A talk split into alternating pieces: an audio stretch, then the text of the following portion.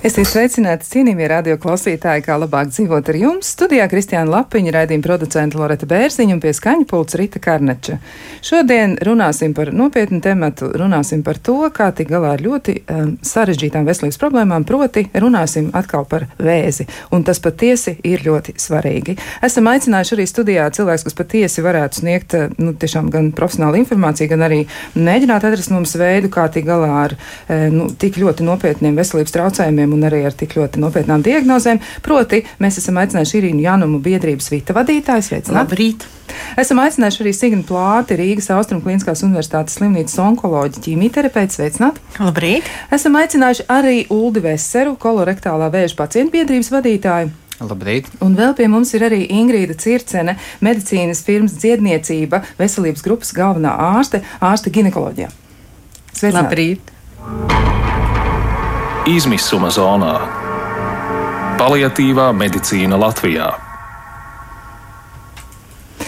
Lūk, jā, tā tad eh, šis jingls, ko droši vien arī klausītāji atpazina, tad, tad eh, mēs tiešām gribētu parunāt nopietni šodien par ļoti nopietnām lietām, un eh, lai cik ļoti arī mēs vēlētos atvairīt šo domu, ka tas ir kas tāds, par ko nāks apdomāties, un ka reizēm ar to saskaramies vai nu mēs paši vai mūsu tuvinieki, nu tā nu tas ir. Tas ir tepat blakus, tas notiek ar mums, un izvairīties no šī temata laikam mums nebūtu jēgas un vajadzības. Drīzāk vajadzētu, kā saka, mēģināt skatīties uz problēmu bez bailēm, un tāpēc arī es gribētu noteikti atgādināt klausītājiem par akciju, kas notiks rīt un par ko noteikti arī um, pastāstīs biedrības vita vadītāja vairāk. Tātad Irīna Januma izstāstīs, kas tad īsti notiks 4. Uh, oktobrī, proti rīt. Uh, 4. oktobrī Latvijas Universitātes jaunajā ēkā, dabas mājā, Jālgavas ielā viens, tas ir aiz Nacionālās bibliotēkas, ļoti tuvu, var vēl paspēt pieteikties. Mēs aicinam gan onkoloģijas pacientus, gan viņu tuviniekus, atbalstītājus, pārstāvjus, arī ekspertus šīs nozares. Eh, atnāciet, un mēs kopā varēsim parādīt, mēs esam daudz. Bet mēs galvenais parādīsim pašiem pacientiem, ka mums no sabiedrības jāizspiež bailes, jo mums ir jāieslēdz prāts, zināšanas, ticība, ticība saviem spēkiem, un mums ir uzdevums kopā pārliecināt mūsu valsti, ka ir vērts ieguldīt onkoloģijas pacientos, jo viņi tomēr maksā nodokļus, viņi grib, cenšas un perfekti strādā. Jo, kad tevi skāris tā šī diagnoze, cilvēkam mainās vērtības. Tu pavisam savādāk esi savā ģimenē, mainās visa ģimene. Tu atgriezies pēc operācijas darbā, darba vieta arī sarosās. Visi, visi ir klātai diagnozei. Un arī galu galā šī kritiskā masa, onkoloģisko pacientu pieaugums, ir jau tāda, kuru nevar neievērot. Visā valstī. Tātad arī parlamentārajā līmenī mēs jau ieguvām atbalstu 12. saimas laikā. Tur bija 30 deputātu atbalsta grupa. Un tad, kad eh, nu, biedrības Vitas uh, iniciatīva uh, Portālā Mana balss LV ieguva ne tikai 10 tūkstošu, bet 13 tūkstošu parakstu atbalstu. Mēs to iesniedzām saimā. Vienbalsīgais balsojums 16. gadā apliecināja, ka arī parlaments atbalsta savus vēlētājus. Nu, lūk, un, nu, ja saskaitam mūs visus, 77,000 pacientu. Reiz četri to ciparu jāreizina, tātad ģimene apkārt, tuvinieki, piederīgie ap 400 Latvijas iedzīvotāju.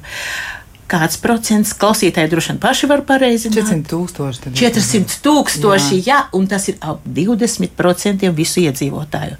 Ievērojami, ļoti ievērojami.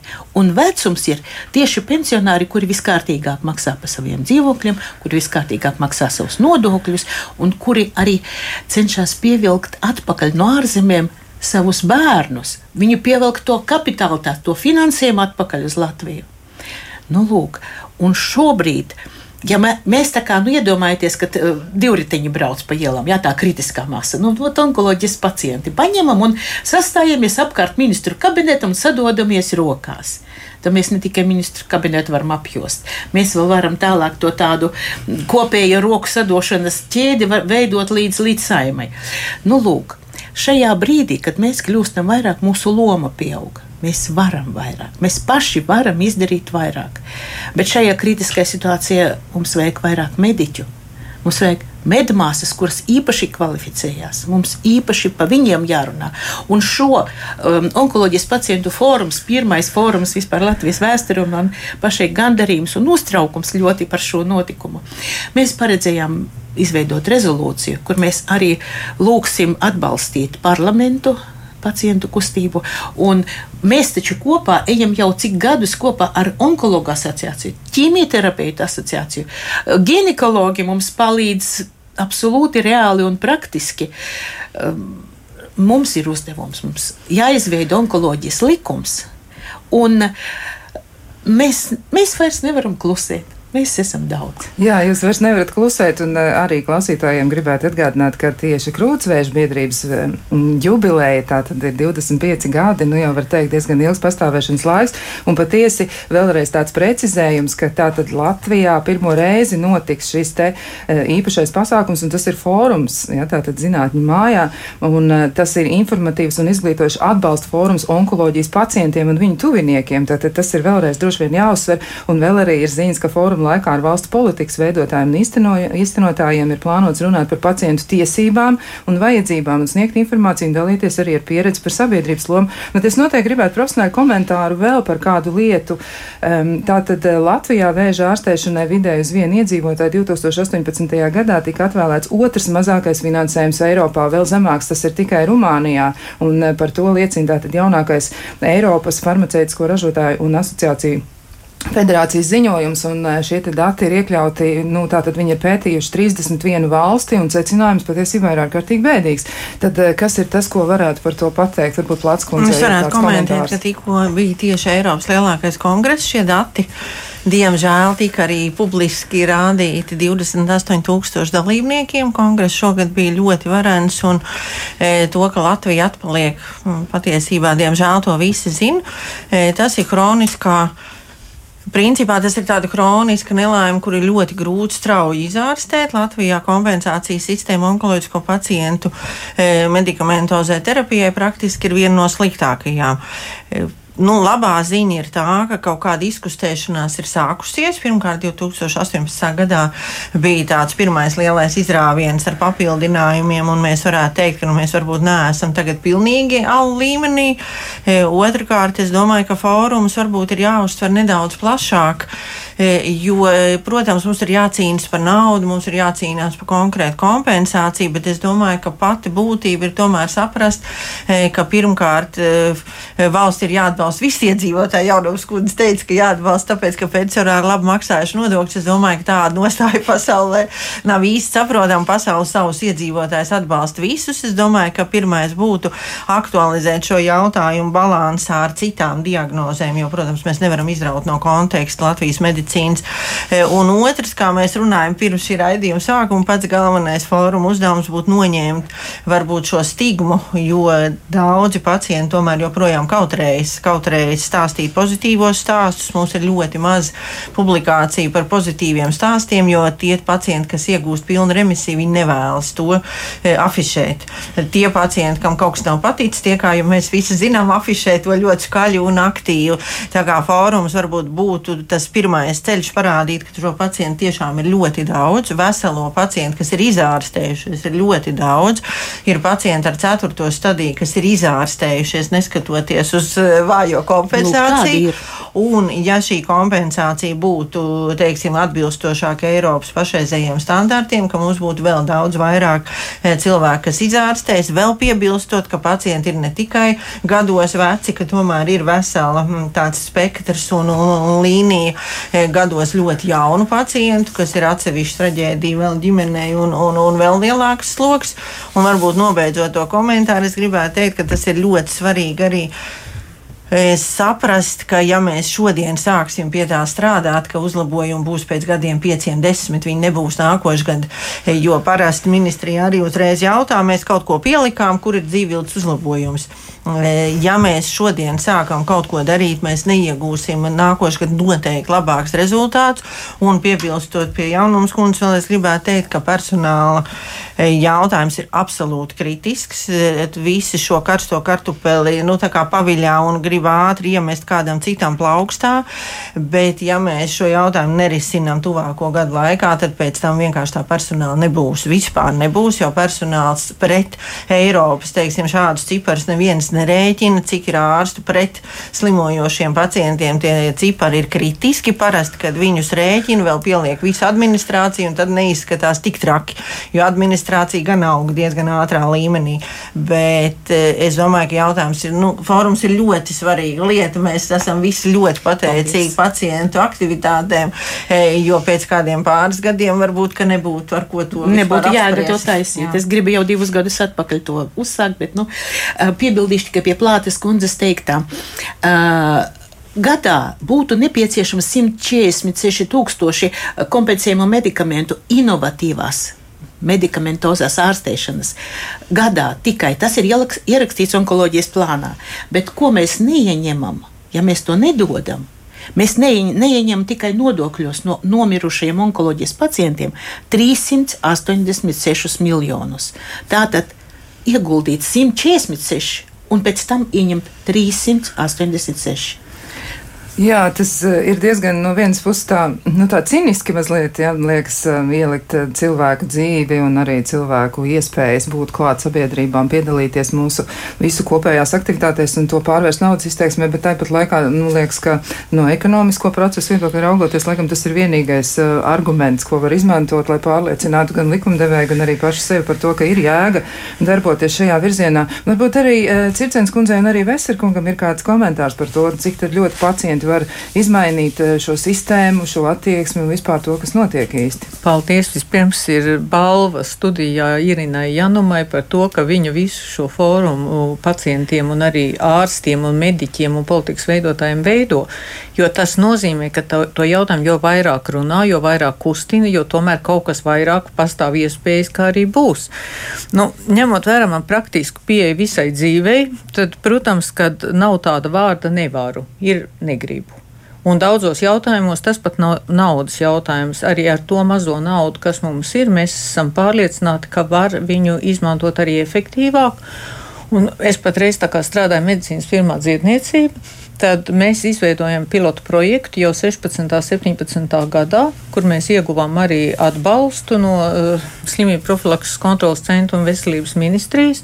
Un, lai stiprinātu ģimenes ārstu institūciju un varētu izpildīt to, ko valsts jau apmaksā, es nerunāju par papildus naudu un neprasu, lai dod miljonus, bet tas, kas jau ir, kas jau eksistē.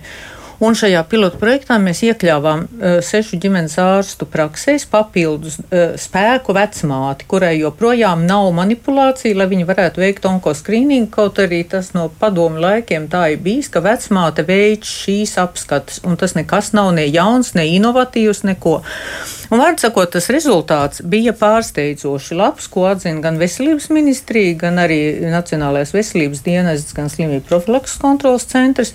Jo ar to, ka šī vecmāte zvanīja individuāli katrai sievietei, kas bija saņēmusi pēdējo trīs gadu laikā uzaicinājuma vēstuli, tad ar viņu konkrēti izrunājot, uzaicinot un uzreiz jau iereģistrējot e-veselībā, mēs panācām, ka no apmēram 30-32% kā nu kuram tam ģimenes ārstam bija šīs apskates, e, Zemes kakla vēža skrīnings pieauga nu, vidēji no 67 līdz 105%. Un arī mamogrāfijas pieauga tuvu pie 100%. Tas nozīmē, ka mēs vienkārši nākam ar jaunu piedāvājumu, kā risināt problēmu.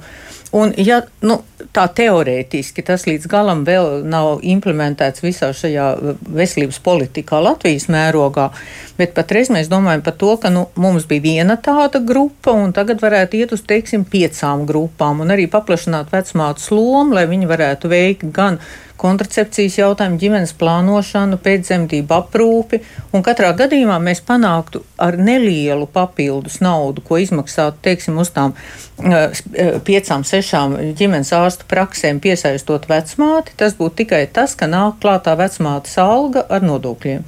Un tas ir tas ceļš, kā vienu veidu uzlabot ar esošo naudu nelielu piemaksu, mēs panākam aptveri. Un otrs, kas ir būtiski, tā ir mobilā diagnostika. Mēs esam pārliecinājušies, ka ar visiem šiem mobilās diagnostikas mamogrāfijas busiņu izbraukumiem sievietei ir pieejamība pilnīgi citā līmenī, citā iespējā. Bet, nu, protams, kad arī, lai veiktu šīs jau esošās apskates, onkoskrīningam ir nu, divas, varbūt iespējams arī daudz vairāk problēmas, bet divas, ko es gribētu akcentēt. Viena no tām ir nosakot, ka, piemēram, šīs mamogrāfijas būsiņš nedrīkst veikt apskates tuvāk kā 30 km no stacionārā mamogrāfa. Un, ja šī vieta, kur nu tagad ir tā apskate, ir 28,5 km konkrēti, ja, tad pasaka, ka tas ir nelegāli un tas tiks atcelts. Līdz ar to, ja ir ar mieru braukt šī mediķu brigāde, un šīs mobilais būs ir ar mieru braukt vienalga, kur un var tos cilvēkus apskatīt, tad ielikt atlases kritērijā kilometrus vienkārši ir nožēlojami. Otrs, tas, kas man no liekas, kurienes tas kriterijs? Nu, es jums stāstu to, kas ir. Jā, bet... Mūsu interneta pārklājumā jā. visai valstī ierobežot to mamogrāfu diagnozi. Es uzskatu, ka ir jāpriecājas par katru sievieti, kur atnāk uz apskati, jā. jo visa pamatā ir agrīna, agrīna diagnostika. Un otrs ir līdzīga situācija ir ar tā saucamo mamogrāfijas atlasi kur pasaka, ja nebūs tajā atlases sistēmā pēc adresēm šīs mamogrāfs, tad tur nevar iet ar onkoskrīninga vēstulēm. Nu, arī konkrēts piemērs, piemēram, nu, MFD uzstājas Zolitūdē jaunu ģimenes ārstu prakšu kopumu, un tur ir arī uz vietas ierīkots mamogrāfs. Šo mamogrāfiju veids tie paši darbinieki, kas ir pēc adresēm, un nolasa rezultātus tie paši radiologi, kur ir pēc iepriekšējām adresēm. Bet šeit viņi ar savu onkoskrīningu vēstuli nedrīkst iet. Un tās lietas neprasa naudu. Līdz ar to birokrātiski šķēršļi. Jā, un līdz ar to jā, tā kā man vienmēr gribās, lai kārtība visās lietās, es esmu iesaistījusies šajos onkoskrīninga projektos, jo es redzu, kā to var izdarīt labāk. Mums šodien raidījums ir kā dzīvot labāk, un es gribētu teikt, ka es gribu teikt, kā strādāt labāk. Viņa klausītāja pielikšu tikai pie Circenes kundzes teiktā. Tātad dzirdējāt no 90 līdz 100 procentiem atsaucība no tām praksēm, kur ir vecmā māte ar ģimenes ārstu sadarbojās.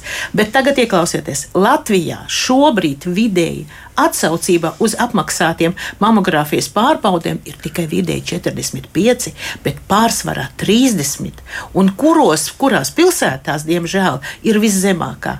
Rīgā, Daugaupilī, nu, tur, kur krieviski runājošā sabiedrība. Tā kā mums visi, visi ieroči jāizmanto, visi salmiņi, visu, visur, kur var, mums jā, un nedrīkst pieļaut to birokrātisko šķēršļus, tās bremzes un tos kavējumus. Jā, tas būtu noteikti kaut kas tāds, kas ir novēršams. Es domāju, ka tā ir tā cilvēku neizpratne. Kā Circens kundze teica, ja mēs runājam, kā gan strādāt labāk, kā tomēr gan dzīvot labāk. Es domāju, ka e, pacientiem, cilvēkiem ir arī atbildība pret savu veselību veselību. Pašlaik ir ārkārtīgi modē dažādi žurnāli, dziednieki un viss kaut kas, kas ir varbūt bez kā varētu iztikt. Un tādēļ no mediķa viedokļa mums tas liekas diezgan šausminoši un pagājušā gadsimta tiešām jau viduslaika līmenī, ka cilvēki var pirkt daudz žurnālus, e, apspriest, ēst vai neēst kaut kādu vienu spārģeļu paveidu un neiet uz ginekologa apskatu reizi gadā, neiet uz, uz krūts apskatēm un nerunājot jau par e, ļoti bēdīgo kolorektālā vēža skrīninga rezultātiem, kas patiesībā pilnīgi nesaprotam. Tas eh, skrīnings tika sen eh, nu, aktivizēts, bija raidījums, mēs visi stāstījām, kādas ciešanas piedzīvo cilvēks, kad viņam konstatē vēlīnu kolorektālo vēzi, kādus līdzekļus iegūda valsts, lai mēs izārstētu ceturtā stadijas vēzi. Eh, un ir šī iespēja nodot. Protams, ka neviens skrīnings nav simtprocentīgs. Protams, ka ir dažādas variācijas. Protams, tas nav šī raidījuma jautājums diskutēt par skrīningu metožu, tur e, kaut kādām niansēm, bet princips, ka cilvēks nelieks, nezina, sieviete, kurai ir bērni un ģimene, un kur ir atbildīga pret savu ģimeni. Ja? Tā kā es domāju, ka fóruma uzdevums ir arī aktualizēt šo jautājumu, ka ja ir pieejams valstī skrīnings un ja cilvēki e, 30, 40 40% atsaucība, tad tomēr 60% ir paši atbildīgi par to rezultātu, kas ir noticis. Jā, man noteikti gribētu arī iesaistīt sarunā Plātskungu. Nē, Es, es kāpēc gribētu piesaukt arī vēl kādu no ģimenes veseru un guldu veseru. Jā, man gribētos jautāt jums, kā tad īsti ir, nu tiešām, nu, savā ziņā tas ir mazliet tā, nu, trauksmaini, tas varētu būt grūti, sarežģīti. Nu, kas īsti cilvēks nobiedē, kāpēc viņi neiet un nenoskaidro, kas notiek ar viņu veselību un kāpēc ir tik lieli tie, nu, tie, tie dati, nu, par tiem nelaimīgajiem gadījumiem, ka tiešām vēsts tiek atklāts un, un tas ir, nu, mazliet par vēlu, lai tā viegli veiktos tā ārstēšana. Jā. Uh, nu, īstenībā ir uh, procents, kas apmeklē šo skrīningu programmu, ir ļoti mazs. 10, 12%, un nu, viņš īpaši tur neaug arī to, šo gadu garumā, kopš ir uh, izveidots. Uh, jāsaka, ka īstenībā ir bijis ļoti labs pilotu projekts, ko uh, veidoja profesors Leja, un īstenībā viņš sasniedza 50% uh, pacientu ieinteresētību. Jā. Uh, šo to no viņa idejām veselības ministrija ir ņēmusi vērā. Uh, kaut vai pirmkārt ir šis jaunais uh, tests, kas ir no 1. oktobra pieejams. Jo iepriekšējais bija ļoti sarežģīts. Trīs reizes bija jāņem uh, fēču paraugi, jātur leduskapī, un to parasti nu, uh, sievietes, nu, kur, kura ļaus savā leduskapī turēt fēču paraugus. Jā, nu, tas, tas īstenībā tas viens no iemesliem, bet nu, to iemeslu ļoti daudz. Es teiktu, šeit apstākļi tas, ka liela atbildība tika uzlikt pašam pacientam uz viņa paša iniciatīvu. Mm -hmm. uh, mēs jau sen esam runājuši par to, ka arī zarnu vēža skrīningu vajadzētu veikt personalizētu ar uzaicinājumu. Jo tomēr uh, sieviešu vēži tiek daudz vairāk apmeklēti galvenokārt tāpēc, ka tomēr ir šīs te, uh, vēstules personā, personalizēta uzaicinājuma veikt šo skrīningu. Bet jebkurā gadījumā uh, šis rezultāts tiešām ir slikts, un viens no galvenajiem iemesliem, ko mēs domājam, un arī mēģināsim rīt eh, sabiedrībai pateikt, ka Zarnu vēzis nav nekāds izņēmums no citiem vēžiem, un tāpat kā jebkurš cits vēzis, arī šis vēzis ir vienkārši slimība. Par to nav jākaunās. Par to ir pirmkārt mums ir jāpārbauda savu veselību laicīgi. Eh, mums tas ir mūsu pienākums pret sevi, pret saviem tuviniekiem Pat sabiedrība arī pārbaudīt savu veselību, laicīgi atklāt šīs slimības, tāpat kā jebkuru citu. Un pilnībā izārstēt. Un izārstēt. Jā. Šeit nevaru klusēt uh, ginekoloģisko saslimšanu, uh, dzemdes kaklavēža skrīnings, pārbaudes sievietes mīļās no 25 gadu vecuma. Reizi trijos gados bezmaksas to var arī pārbaudīt. Un esam modri, meitenes, māsas, draudzenes, sūtam, ejam, prasam ģimenes ārstam, kur mans uzaicinājums, ejam un bezmaksas pārbaudamies. Agrīni diagnosticēts uh, dzemdes kakla vēža augs, augu, nu, kāds tur veidojums, veidojums nebūtu. Jā. jā pilnībā var izārstēt. Un manā lokā ir sievietes, kur dzemdējušas trešo un ceturto bērnu pēc diagnostikas, ārstēšanas, saulēcīgās ārstēšanas. Jā, tie ir ļoti labi rezultāti un ļoti cerīgi tie stāsti. Bet par to, kā tieši to darīt, kur vērsties un kā iesaistīties arī tad, ja kāds ģimenē ir cietis no šīs slimības, noteikti runāsim pēc brīža. Kā labāk dzīvot?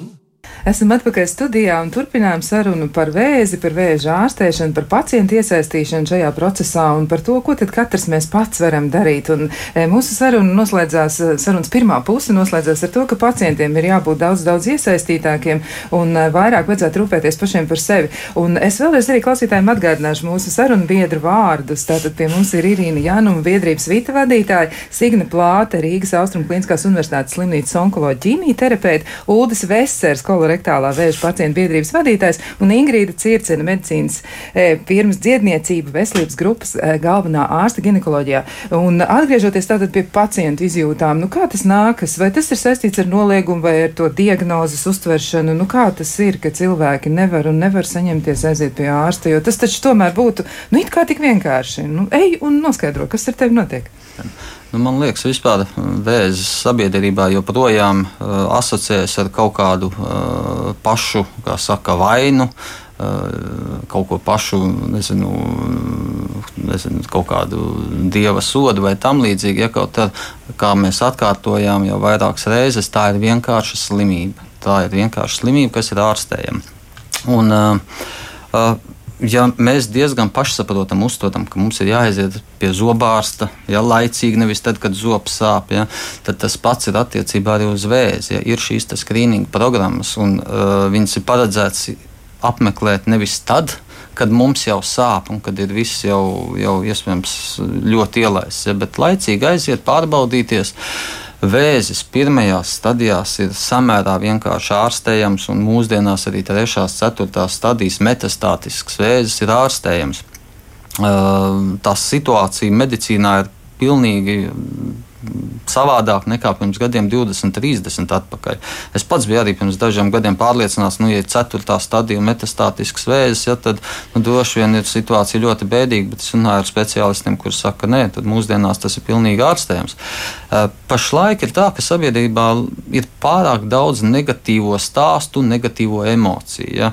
Mēs dzirdam tikai, ka lūk, tas tur pazīstams cilvēks nomirs ar vēzi, vēl kāds nomirs ar vēzi. Mēs nedzirdam šo stāstu cik cilvēki ir izveseļojušies. Principā vienīgais tāds mums pazīstams cilvēks ir Valdis Zatlers, kurš pateica, ka viņam bija bijis prostatas veids, viņš ir izārstējies, viņš ir sveiks un vesels.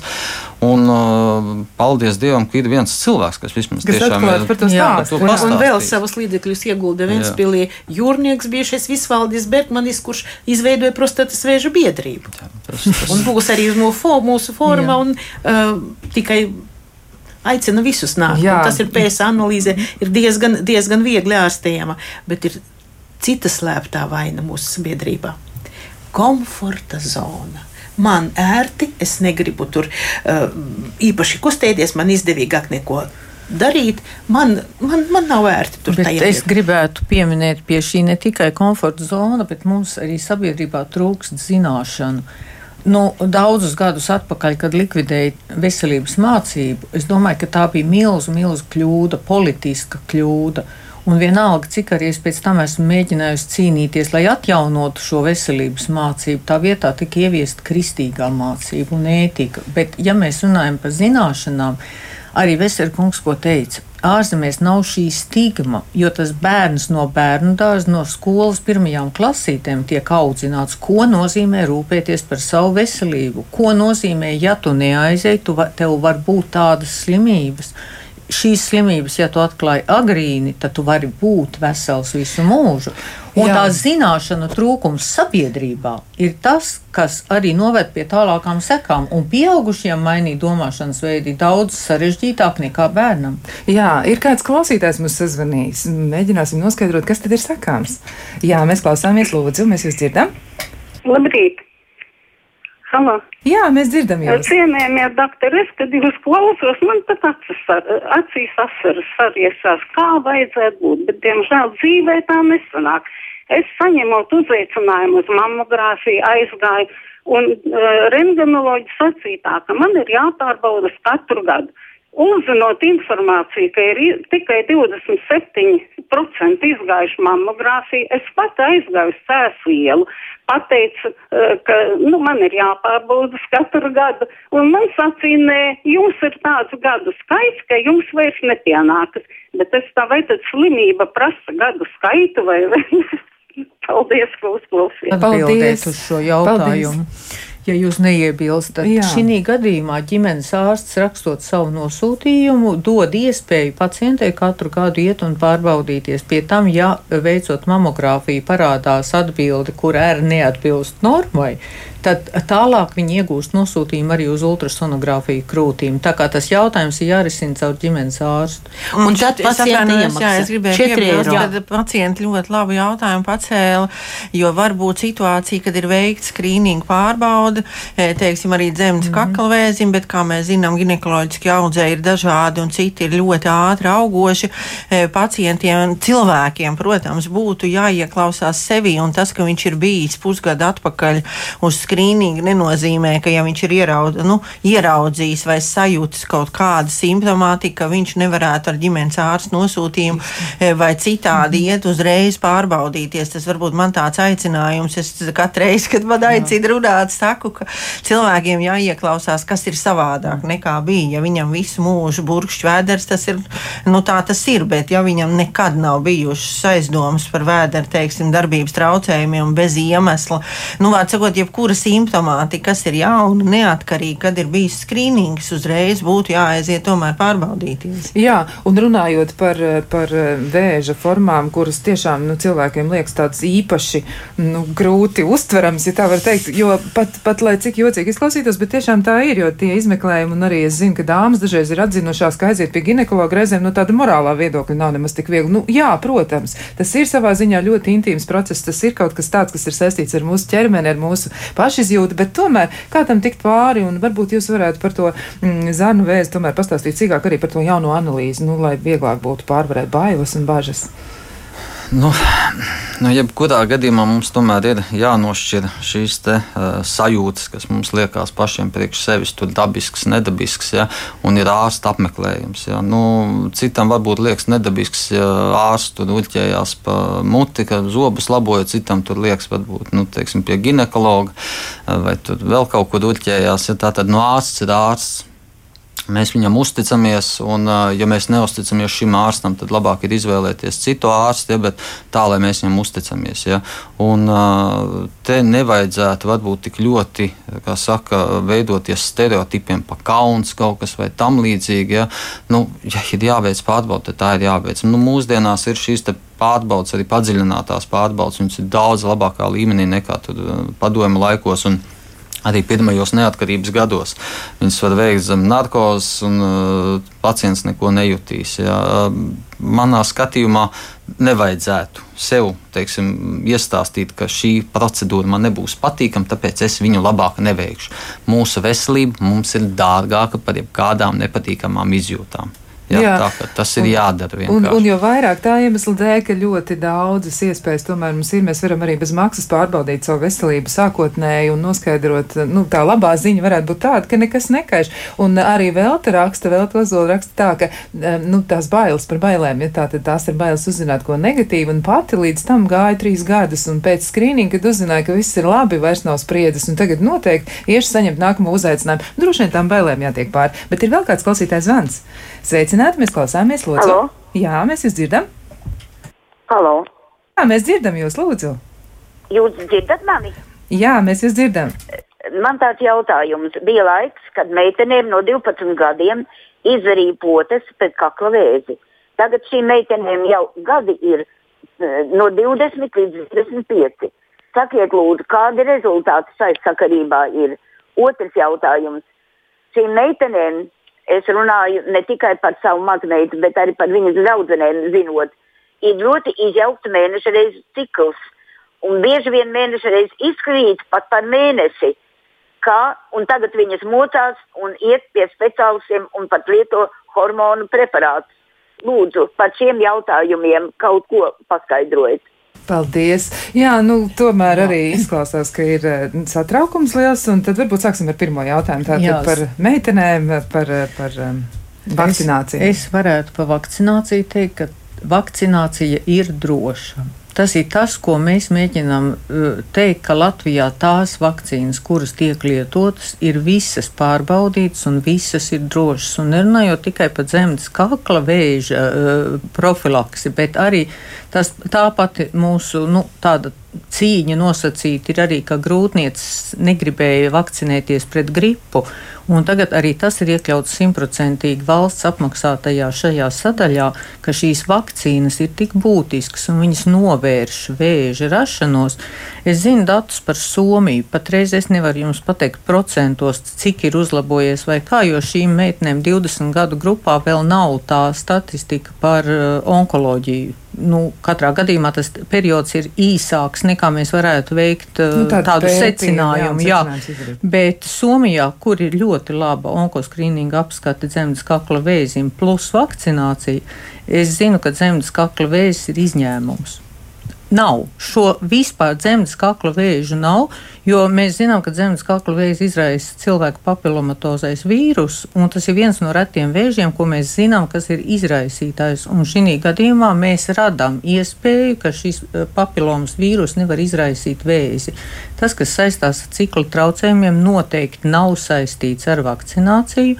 Tur var būt daudz un dažādi iemesli, bet mēs zinām arī, ka meitenēm uh, menarhi, kad sākas šajā pusauģu vecumā, mēnešreizes arī agrāk pirms vēža vakcinācijām bija neregulāras. Tas nav nekas no jauna radies, vienkārši tagad vairāk un brīvāk mēs par to runājam.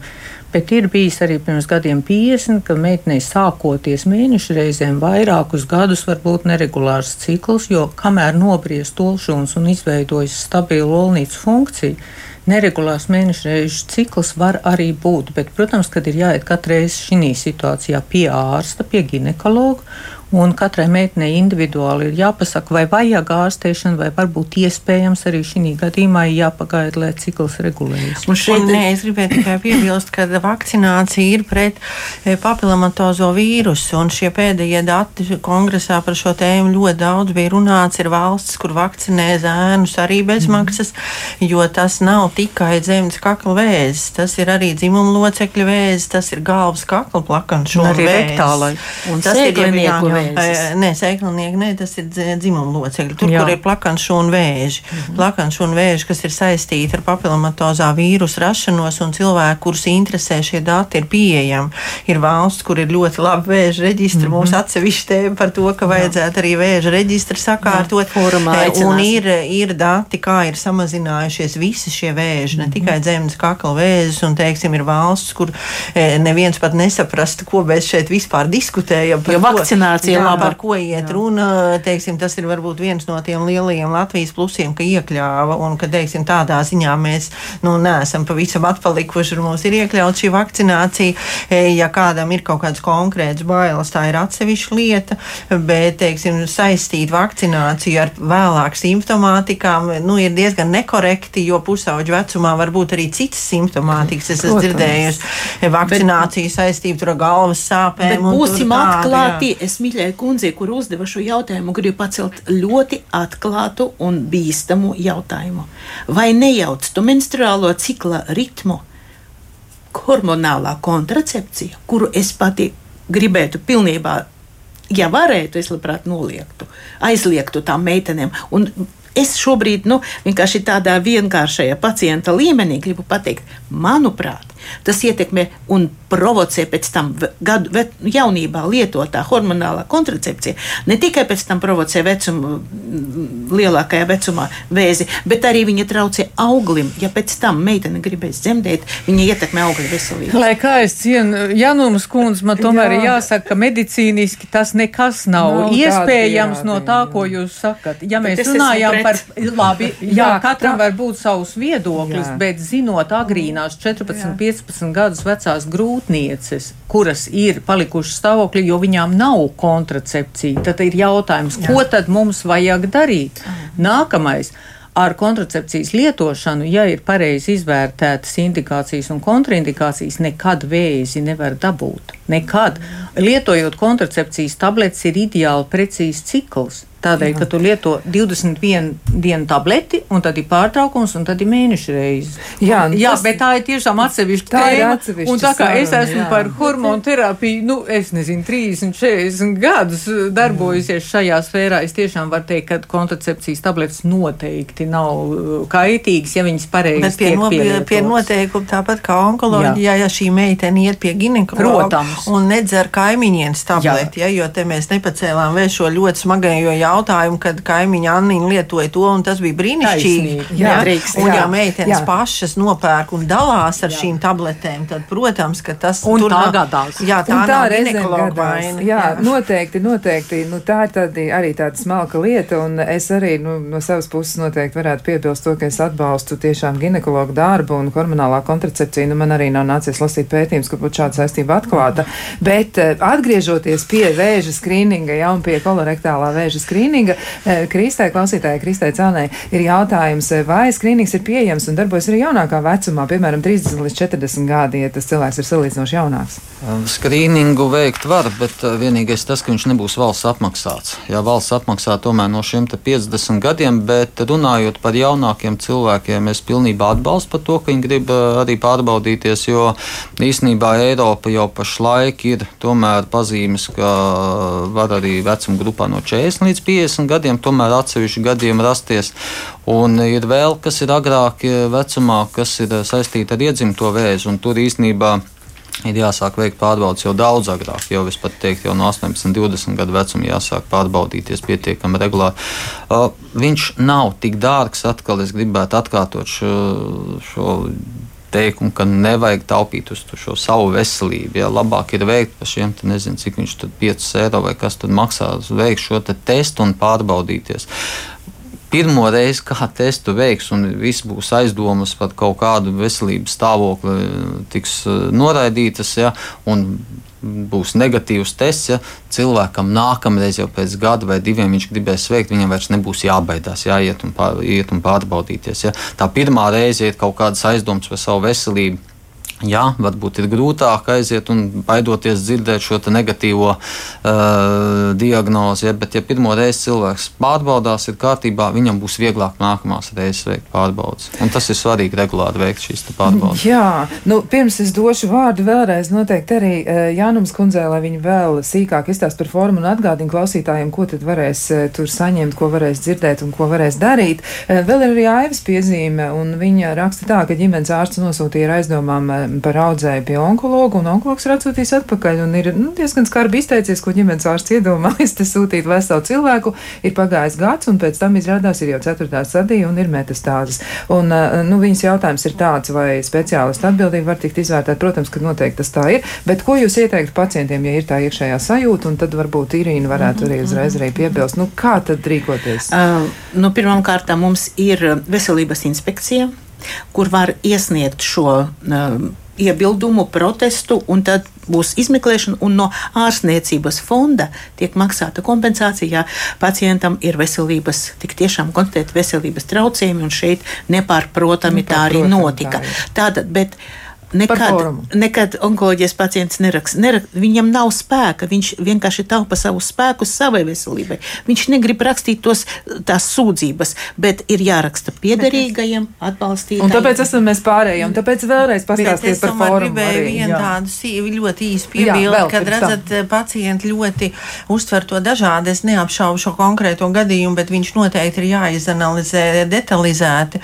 E, ir gan ļoti strauji augoši audzēji e, ir kādreiz, kad cilvēks saka, ir bijis gada atpakaļ, bet ir bijis pusotru gadu atpakaļ. Tā kā es e, tiešām izsaku līdzjūtību konkrētam cilvēkam, un viņi noteikti, lai interesēs un sakārto arī juridiski šo jautājumu, bet es domāju, ka tie jautājumi ir ļoti neviennozīmīgi, jo tie, ko stāsta e, panorāmās, parasti tos negatīvos stāstus, kad viņi medicīniski tur nav tā, kā tur tiek stāstīts. Tikai viens teikums - pacientam ir tiesības uz vairāku speciālistu no, viedokli. Jā, un ja jā. viņam ir aizdomas un viens ir teicis, teicis, ne, viņam ir jāiet pie nākamā. Ka...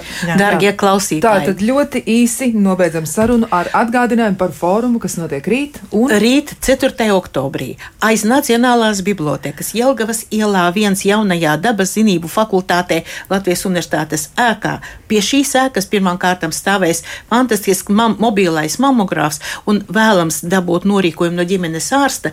Mīļie pacienti, mīļās sievietes, nāciet, paņemiet savu dokumentu un norīkojumu, pārbaudieties. Un vēl gribu pateikt, šo mūsu brīnišķīgo formu nobeigs un vadīs, starp citu, Kārlis Būmēsters. Fantastiski arī būs mūzika. Uh, Iveta Zāliete, Grosa deputāta, mūs dziedās arī uh, ar, ar ģitāristu Ilzi Grunti. Ieva Kalnietes būs kokle un fantastisks instruments, barimba, līdzīgs ksilofona, bet ļoti liels tāds instruments. Uh, ar to mums priecēs Reinis Tomiņš. Uh, Visiem, kas gribēs sveikt biedrību Vita jubilejā, lūdzu un ļoti lūdzu, nenesiet ziedus. Jūsu materiālais ziedojums vai pārskaitījums uz ziedot LV palīdzēs vairāk. Tātad nevis ziedi, bet materiālais ziedojums, ko jūs gribējat ielikt tajos pašos ziedos. Veiciet pārskaitījumu! Jā, paldies par informāciju, paldies arī par to, ko stāstījāt. Paldies studijas viesiem Irīnai Janumai, biedrības vita vadītājai, Signai Plātei, Rīgas Austrum Klīniskās universitātes slimnīcas onkoloģijai, ķīmijterapeitei, Uldim Veseram, kolorektālā vēža pacientu biedrības vadītājiem un Ingrīdai Circenei, eh, biedrības. Mm, Tā, nu jau man atkal Medicīnas firma. jā, medicīnas firma dziedniecība gribas visu laiku kaut ko teikt citu, bet veselības grupas galvenā ārsta ginekoloģijā. Un eh, noteikti klausītājiem atgādinam, ka šī raidījuma atkārtojumu varat noklausīties arī vakar pusē, 8 un 5. Bet, eh, ja ir kas piebilstams un ja ir kas sakāms, noteikti meklējiet kontaktus un arī biedrība Vita jūs gaida un arī visi iesaistītie profesionāļi noteikti ir gatavi jums palīdzēt ar padomu un ar atbalstu. Bet par sevi domājiet vairāk un tiešām jūs esat savā dzīvē paši paši svarīgākie. Visu labu!